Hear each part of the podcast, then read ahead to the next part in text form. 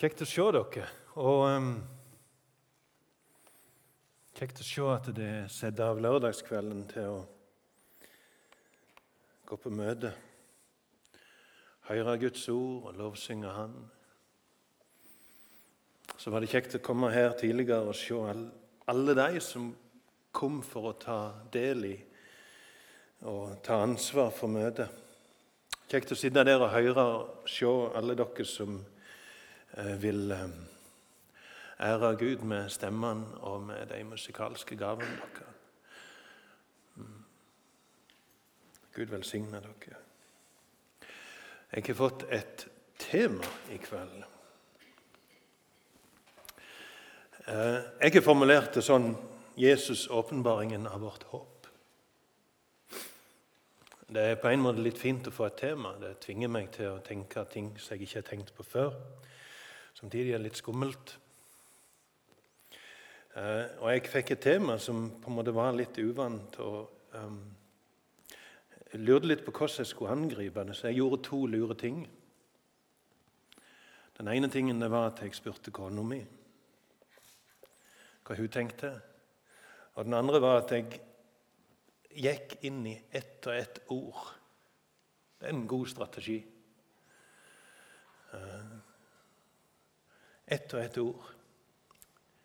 Kona mi tipsa meg om en sang. Og når jeg eh, så nærmere på den, så var det en del ting som, som åpna seg og plutselig ga mening. Men jeg så litt på den setningen Jesus. Åpenbaringen av vårt håp. Og så måtte jeg spørre meg sjøl hva er håp? Hva er håp for noen ting? Og så slo det meg at håp det, kan, det er et ord som kan brukes som to forskjellige ting. Um, et eksempel.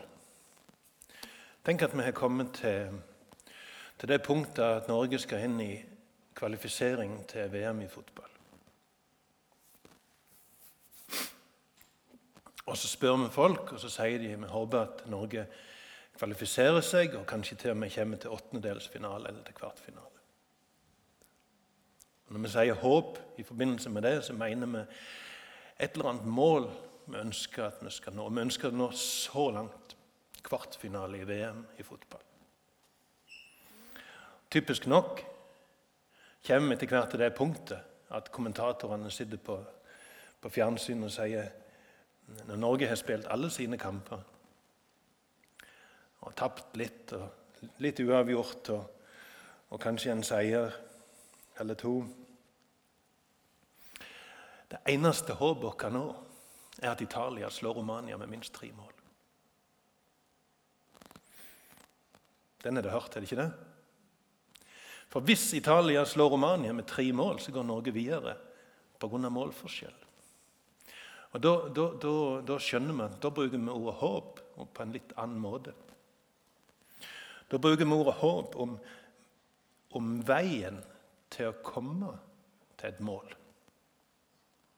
Er det med? Ordet håp kan brukes om to, om to ting. Målet vi vil til, eller veien å komme der til.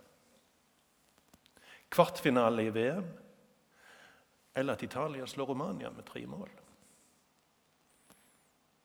målet vi vil til, eller måten å komme seg dertil. Og i hva betydning av ordet er Jesus vårt håp? Er han målet vi er på vei til, eller er han veien å komme der til?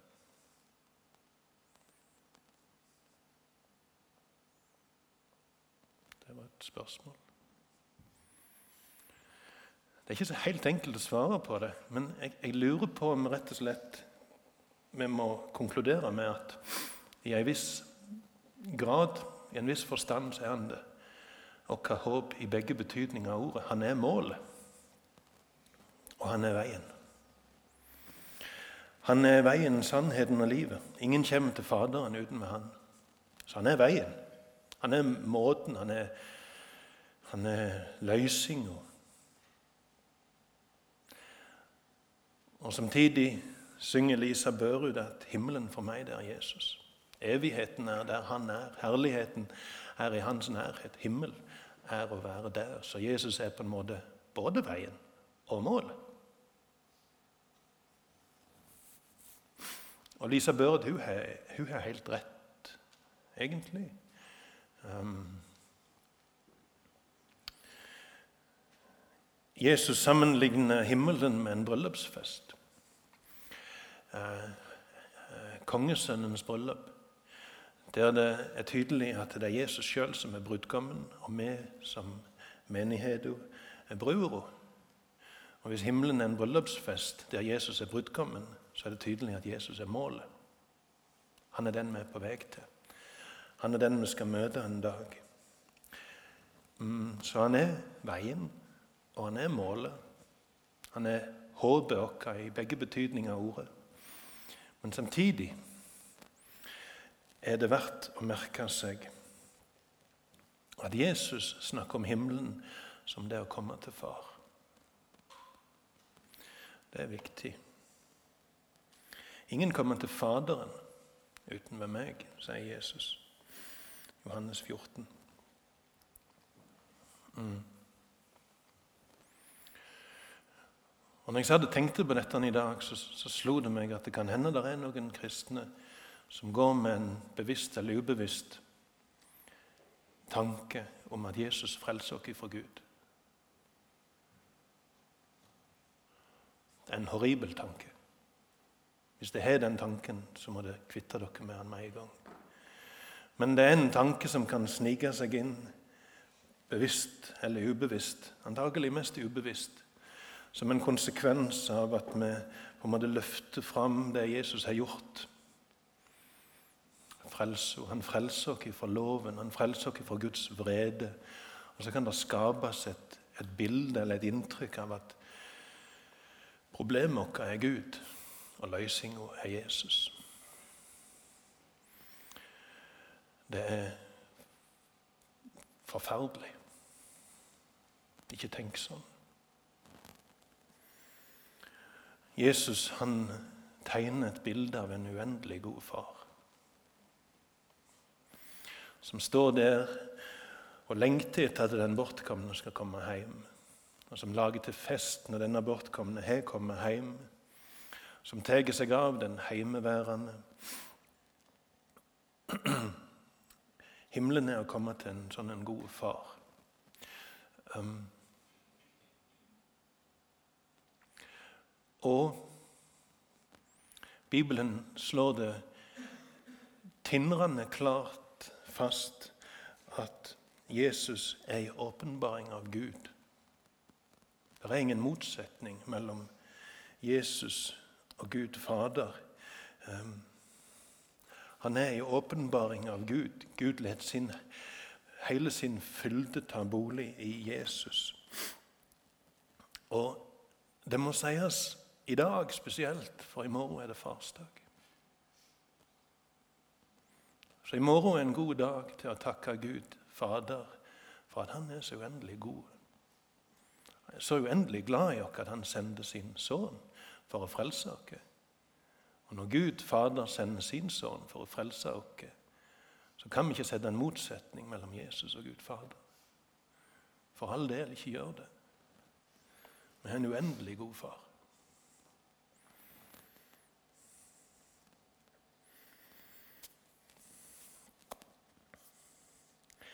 Tilbake til, tilbake til Norges VM-kvalifisering. Det kan hende. Det, det kan iallfall tenkes. Det kan tenkes at kommentatorene sitter på fjernsyn der i VM-studio og snakker om denne kampen som Norge ikke skal være med i.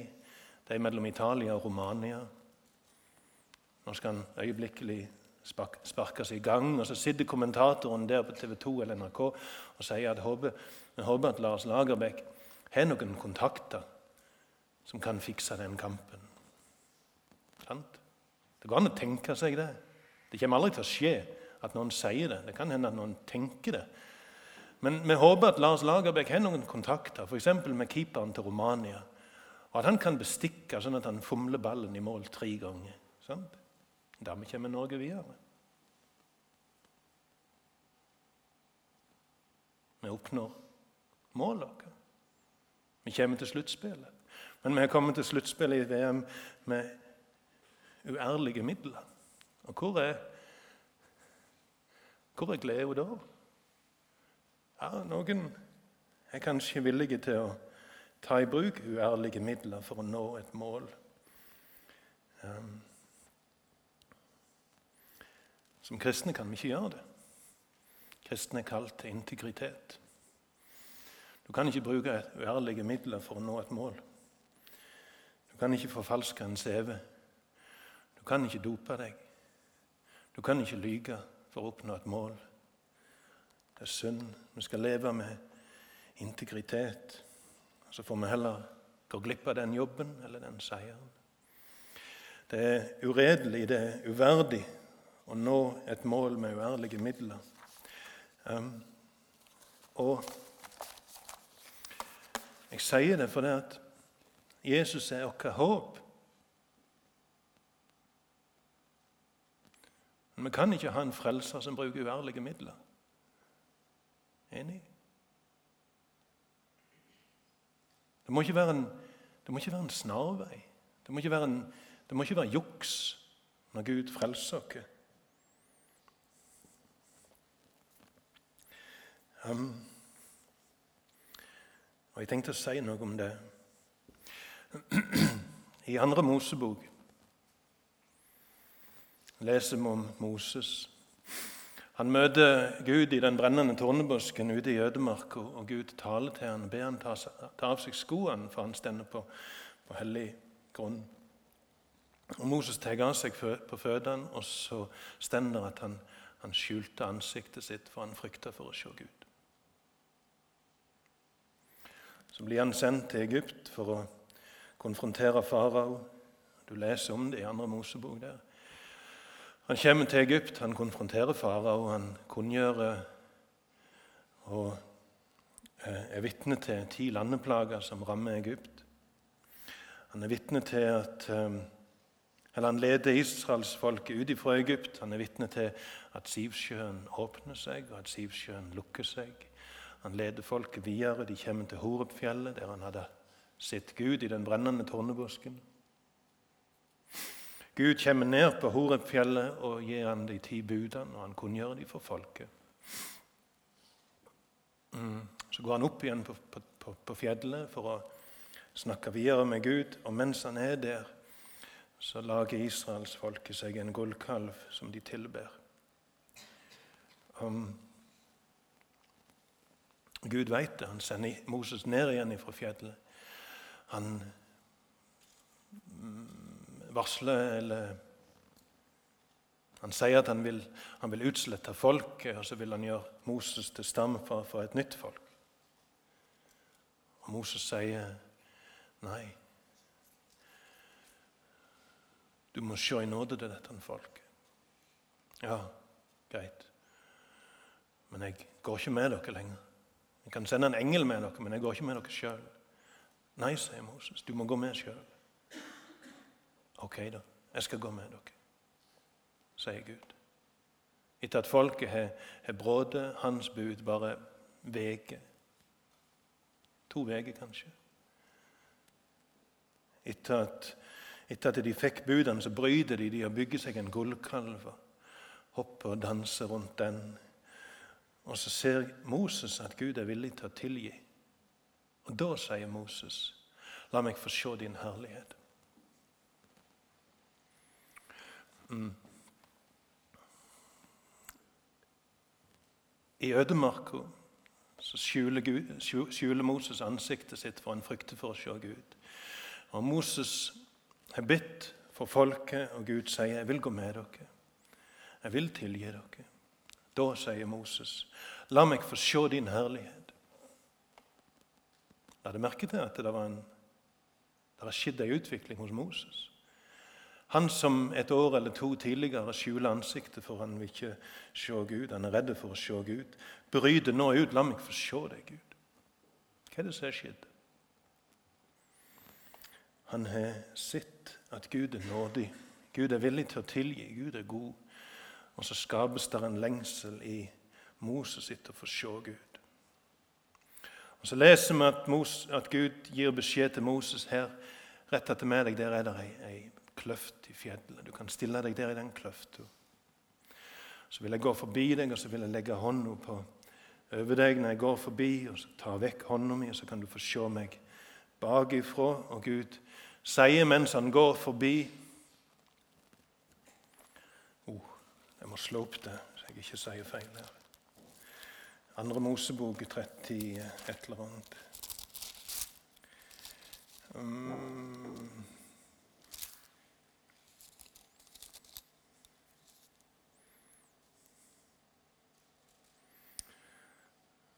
Deretter sa Herren, andre Mosebok 33, vers 21. Deretter sa Herren, se, her tett ved meg er et sted. Still deg der på klippen. Og når min herlighet går forbi, vil jeg la deg stå i klippekløften, og jeg vil dekke med min hånd over deg til jeg har gått forbi. Så vil jeg ta min hånd bort. Da kan du se meg bakfra, men mitt åsyn kan ingen se. Kapittel 34, vers 6. Herren gikk forbi hans ansikt og ropte, Herren, Herren er en barmhjertig og nådig Gud, langmodig og rik på miskunn og sannhet I min nye bibeløversettelse så tror jeg det står at han er full av nåde og sannhet. Og Det var det jeg ville ha fram. Gud, Gud er full av nåde og sannhet. Begge deler. Han er full av nåde og sannhet. Og det er utrolig viktig. Um, for det sier at nåden er ikke juks. For han er òg full av sannhet. Og sannheten er ikke steinhard, for han er òg full av nåde. Gud er full av nåde og sannhet. Begge deler på en gang. Jeg klarer ikke det, jeg. Hvis jeg prøver, så ender det som regel med at jeg enten blir veldig sann og lite nådig, eller veldig nådig og lite sann. Jeg kan være fristende til å slå av på reglene for å være snill, men da er jeg ikke sann. Eller jeg kan være fristet til å holde så steinhardt fast på reglene at jeg ikke blir nådig. Men Gud klarer å være full av både nåde og sannhet. Martin Luther hadde et skrikende, en skrikende lengsel etter å finne en nådig Gud, og han fant han. Men det må være en nådig Gud som ikke jukser. Det må være nåde som er sann. Ellers så kommer vi til himmelen med uærlige midler. Og vi ser han i 2. Mosebok 33 og 34. Vi ser han i Johannes kapittel 1, vers 14. Ordet ble kjød, tok bolig iblant dere, men så hans herlighet. En herlighet som den enbårne sønn har fra sin far, full av nåde og sannhet. La du merke til det? Gud går forbi Moses, som gjemmer seg der i klippet du som brast for meg, i fjellkløfta. Går forbi han og roper 'Herren er nådig'. Herren er barmhjertig, han er full av nåde og sannhet. Og så kommer Jesus, og han er full av nåde og sannhet. Han er en åpenbaring av Gud. Han er en nådig Gud.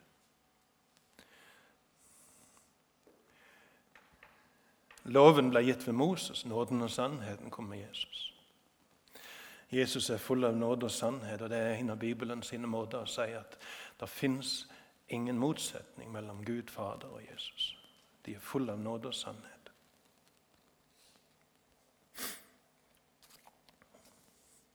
Jesus frelser oss fra loven sine krav. Ikke med å oppheve eller jukse med loven, men med å oppfylle loven. Jeg tror jeg tar den en gang til.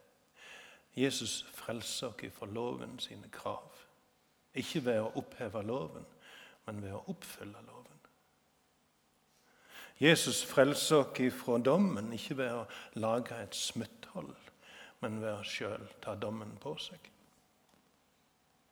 Jesus frelser oss fra synden, og ikke ved å hvitmale henne, men ved å ta henne på seg og bli gjort til synd for oss. Jesus frelser oss fra djevelen, ikke med å bestikke han, men med å gi seg djevelen i vold og overvinne han. Jesus frelser oss fra døden. Ikke med å lage en omvei, men med sjel og død. Og Dermed kan han være både nådig og sann. Han slår ikke av. Han lager ikke en omvei. Han jukser ikke. Han er full av sannhet. Og samtidig, når han tar alt dette på seg sjøl, så kan han by oss nåde. Han er full av nåde og sannhet. Han er vårt håp. Luther så etter en nådig Gud, og han fant han. Jesus viser oss en nådig Gud, full av nåde og sannhet. Um, og så er det én ting. Jesus er åpenbaringa av vårt håp.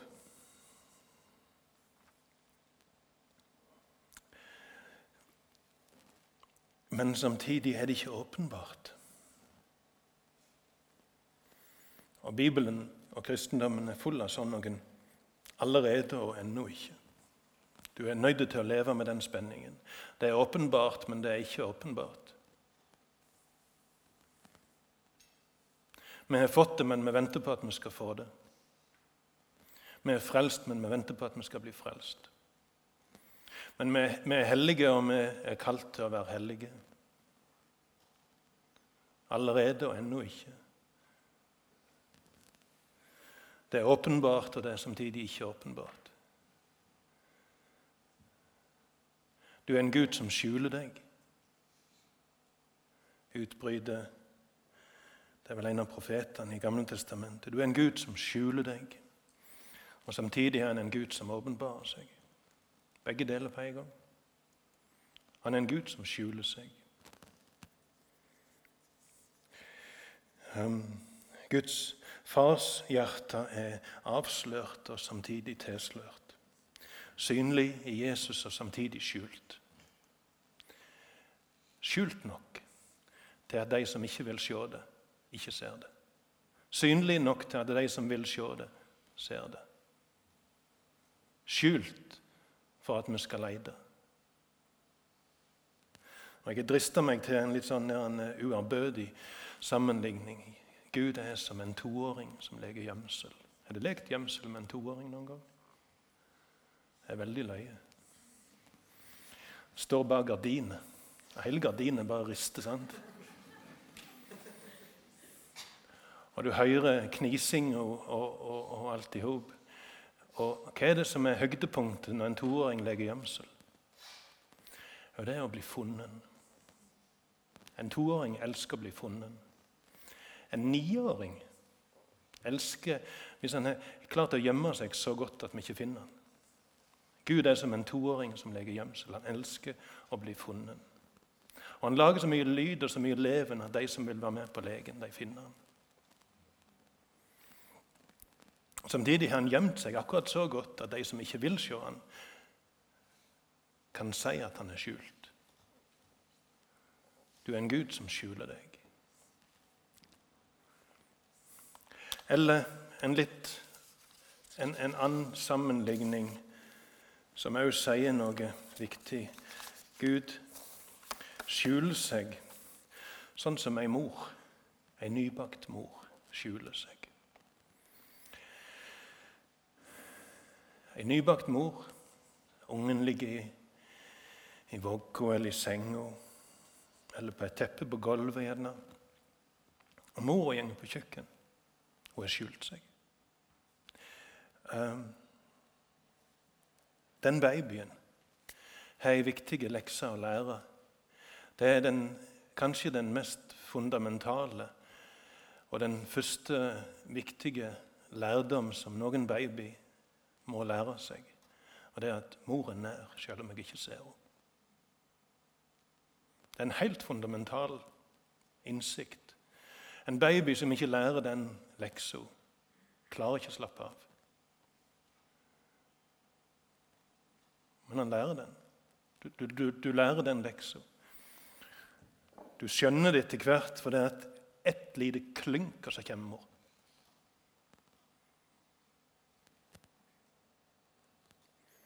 Eller hun er så på, på alerten at allerede, allerede, før det klynket kommer, så har mor skjønt at nå, nå kommer det snart et klynk, og så er hun der.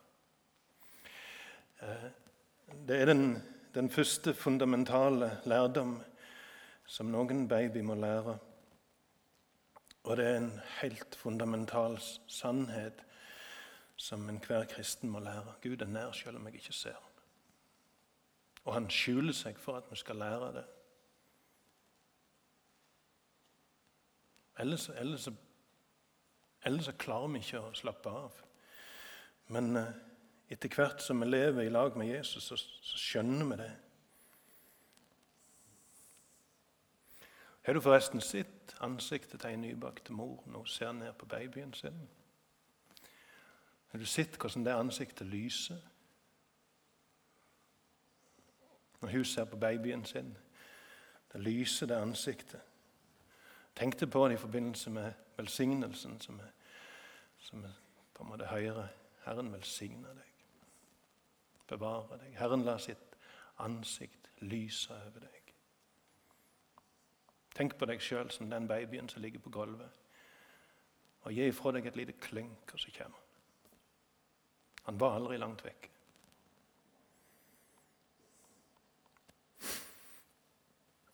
Det er én ting til som må sies om håp. Og Det er at vi bruker det ordet om noe som er ønskelig og samtidig usikkert.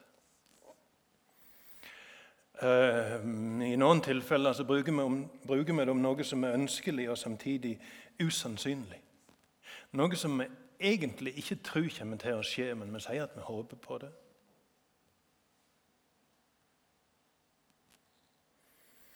Noe som vi,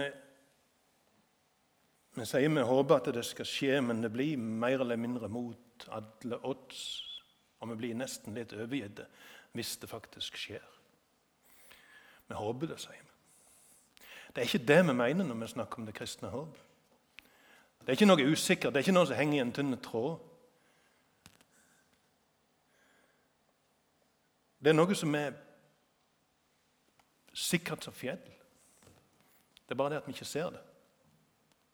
Det er det vi mener når vi snakker om det kristne håpet. Det er sikkert som fjell, men vi ser det ikke. Og Derfor så kaller vi det et håp. En dag skal vi få se det. Nå tror vi det. Det er en full visshet om noe vi ikke ser. Um, og Jeg hørte en historie som jeg kom til å tenke på i dag når jeg satt og strevde med denne teksten. Jeg hørte om en liten gutt som var ute og kjørte trehjulssykkel. Og Så holdt de på med noe arbeid utenfor huset, og så, og så skjedde det at han, han, han kjørte ned i ei grøft. Han klarte ikke å komme seg opp igjen fra den grøfta. Han var ikke så mange år gammel. Og Faren sitter inne i huset, og så merker han nå er det, nå er det en stund siden jeg så han lille gutten.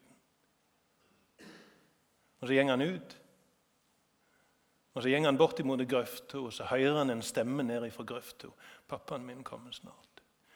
Pappaen min kommer snart. Pappaen min kommer snart.'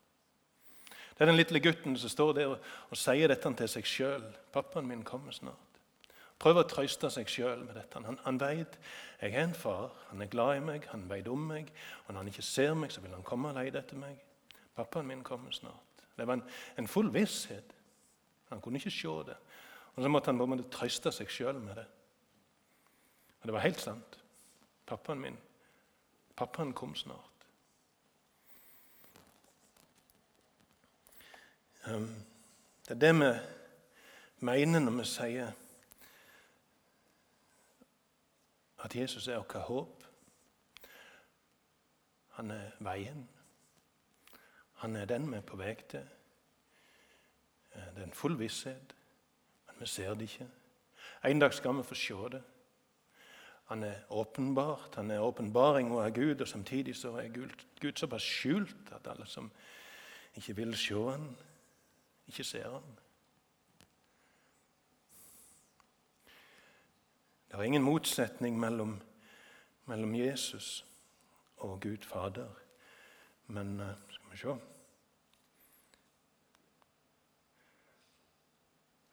For så mange som Guds løfter er i ham, har de fått sitt ja. står Det i 2. Korinterbrev, kapittel 1, vers 20.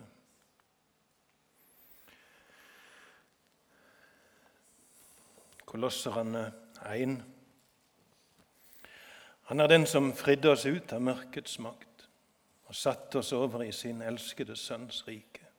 I ham har vi forløsningen, syndenes forlatelse. Han er et bilde av den usynlige Gud.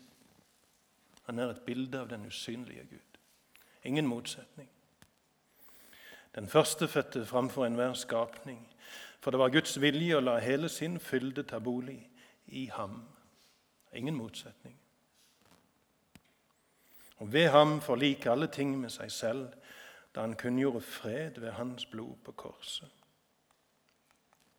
Denne hemmelighet har vært skjult fra evighet av og gjennom alle slekter. Nå er den blitt åpenbar for Hans hellige. For dem ville Gud kunngjøre hvor rik på herlighet denne hemmelighet er blant hedningefolkene. Det er Kristus i dere, håpet om herlighet. Og Når det er snakk om hemmelighet, så betyr ikke det at dette er noe Gud vil holde hemmelig, men det er noe vi ikke skjønner før Han gjør det kjent. Det er hemmelig. Det er noe vi trenger hjelp til å forstå. Og Gud har gitt dere all den hjelpa vi trenger. Um, snakket med Helge Der sitter Helge. Lillebroren min. Jeg snakket med broren min tidligere i dag, og, fortell, og jeg sa litt noen tekster jeg ville lese i kveld. Og så sa han jeg forteller det jeg ville lese 1. Peters brev, kapittel 1. Og så sa han det var den eneste teksten pappa ba om å få høre når han lå på det siste for tolv og et halvt år siden. Pappa fikk kreft. Han var syk i fire måneder. Og da på det siste så ba han om å få høre et avsnitt. 1. Peter 1. Og Helge forteller at pappa brukte bestemor sin bibel, og der var disse versene understreket. 1. Peter 1, 3 og utover.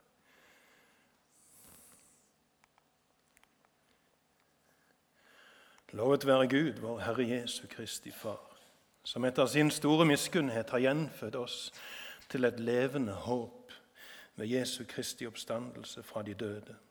Til en arv som er uforgjengelig og uflekket og uvisnelig, og som er gjemt for dere i himlene. Dere som ved Guds makt blir holdt oppe ved tro. Til den frelse som er ferdig til å bli åpenbart i den siste tid. Derfor jubler dere av glede, selv om dere nå en liten stund når så skal være, har sorg i mange slags prøvelser. Bestemor hadde strekt unna de versene. Um, bestemor ble enke da hun var 34 år. Mor til fem, gravid med nummer seks. Og mannen, vår farfar, drukna på sjøen. nå en liten stund, når så skal være, har sorg i mange slags prøvelser. Hun hadde strekt unna disse versene. Og pappa på dødsleiet ber om å få høre de samme versene. Og det sier jeg for å fortelle dere at vi har et håp som heller i gode og vonde dager. Det var ei trøyst for bestemor når hun satt der som ung enke. Det var ei trøyst for pappa på dødsleiet. Det er et håp som, som holder. Dette skjer for at deres prøvede tro, som er langt mer kostbar enn det forgjengelige gull, som jo lutres ved ild, skal finnes til lov og pris og ære ved Jesu Kristi åpenbarelse. Ham elsker dere enda dere ikke har kjent ham. Ham tror dere på, enda dere nå ikke ser ham. Og dere fryder dere med en usigelig og herliggjort glede når dere vinner fram til endemålet for deres tro, sjelenes frelse. Elsker han selv om ikke ser han. Åpenbar og samtidig skjult.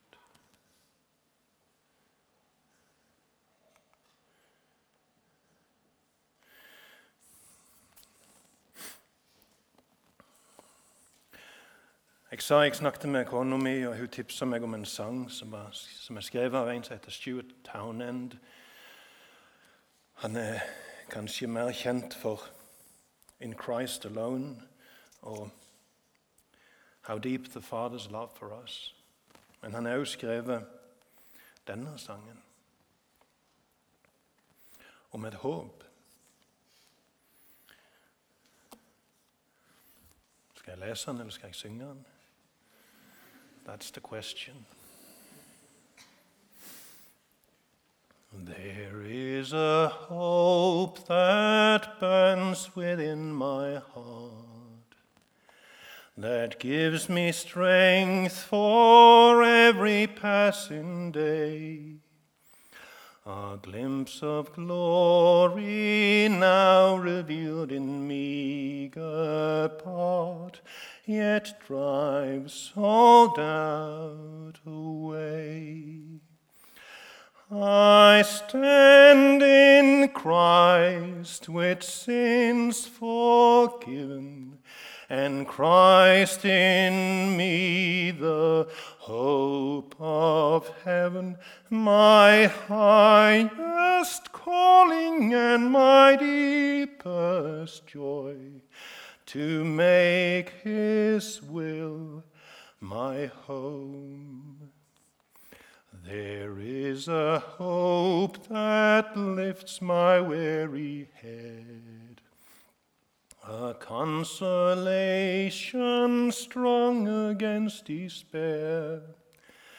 That when the world has plunged me in its deepest pit, I find the Savior there True present sufferings, future's fear.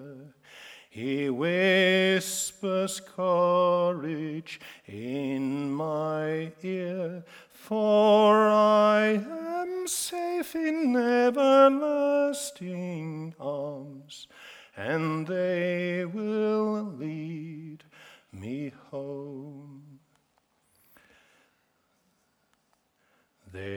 is a hope that stands the test of time, that lifts my eyes beyond the beckoning grave, to see the matchless beauty of a day divine, when I behold his face.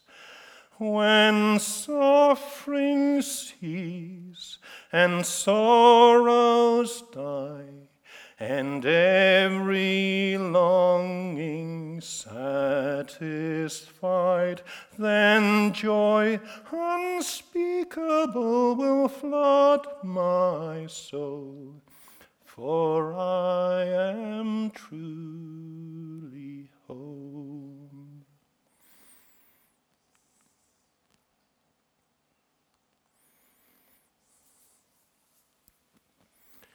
Vi takker deg, kjære Jesus.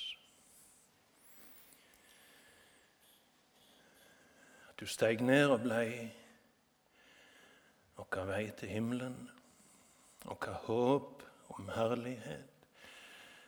Um, at du er full av både nåde og sannhet, og at vi har fått anledning til å bli kjent med deg. Velsign oss, du gode Jesus. Og du, gode Far i himmelen, vi takker deg at du så i nåde til oss og sendte Jesus. Og at han er i åpenbaring av deg. At det vi ser i han, er jo et bilde av deg, gode Far, Og la oss alle vende tankene våre til deg i morgen når vi skal feire at det er fars dag. Og så skal vi takke deg for at vi har en sånn uendelig god far, og at vi en dag skal få se deg. Amen.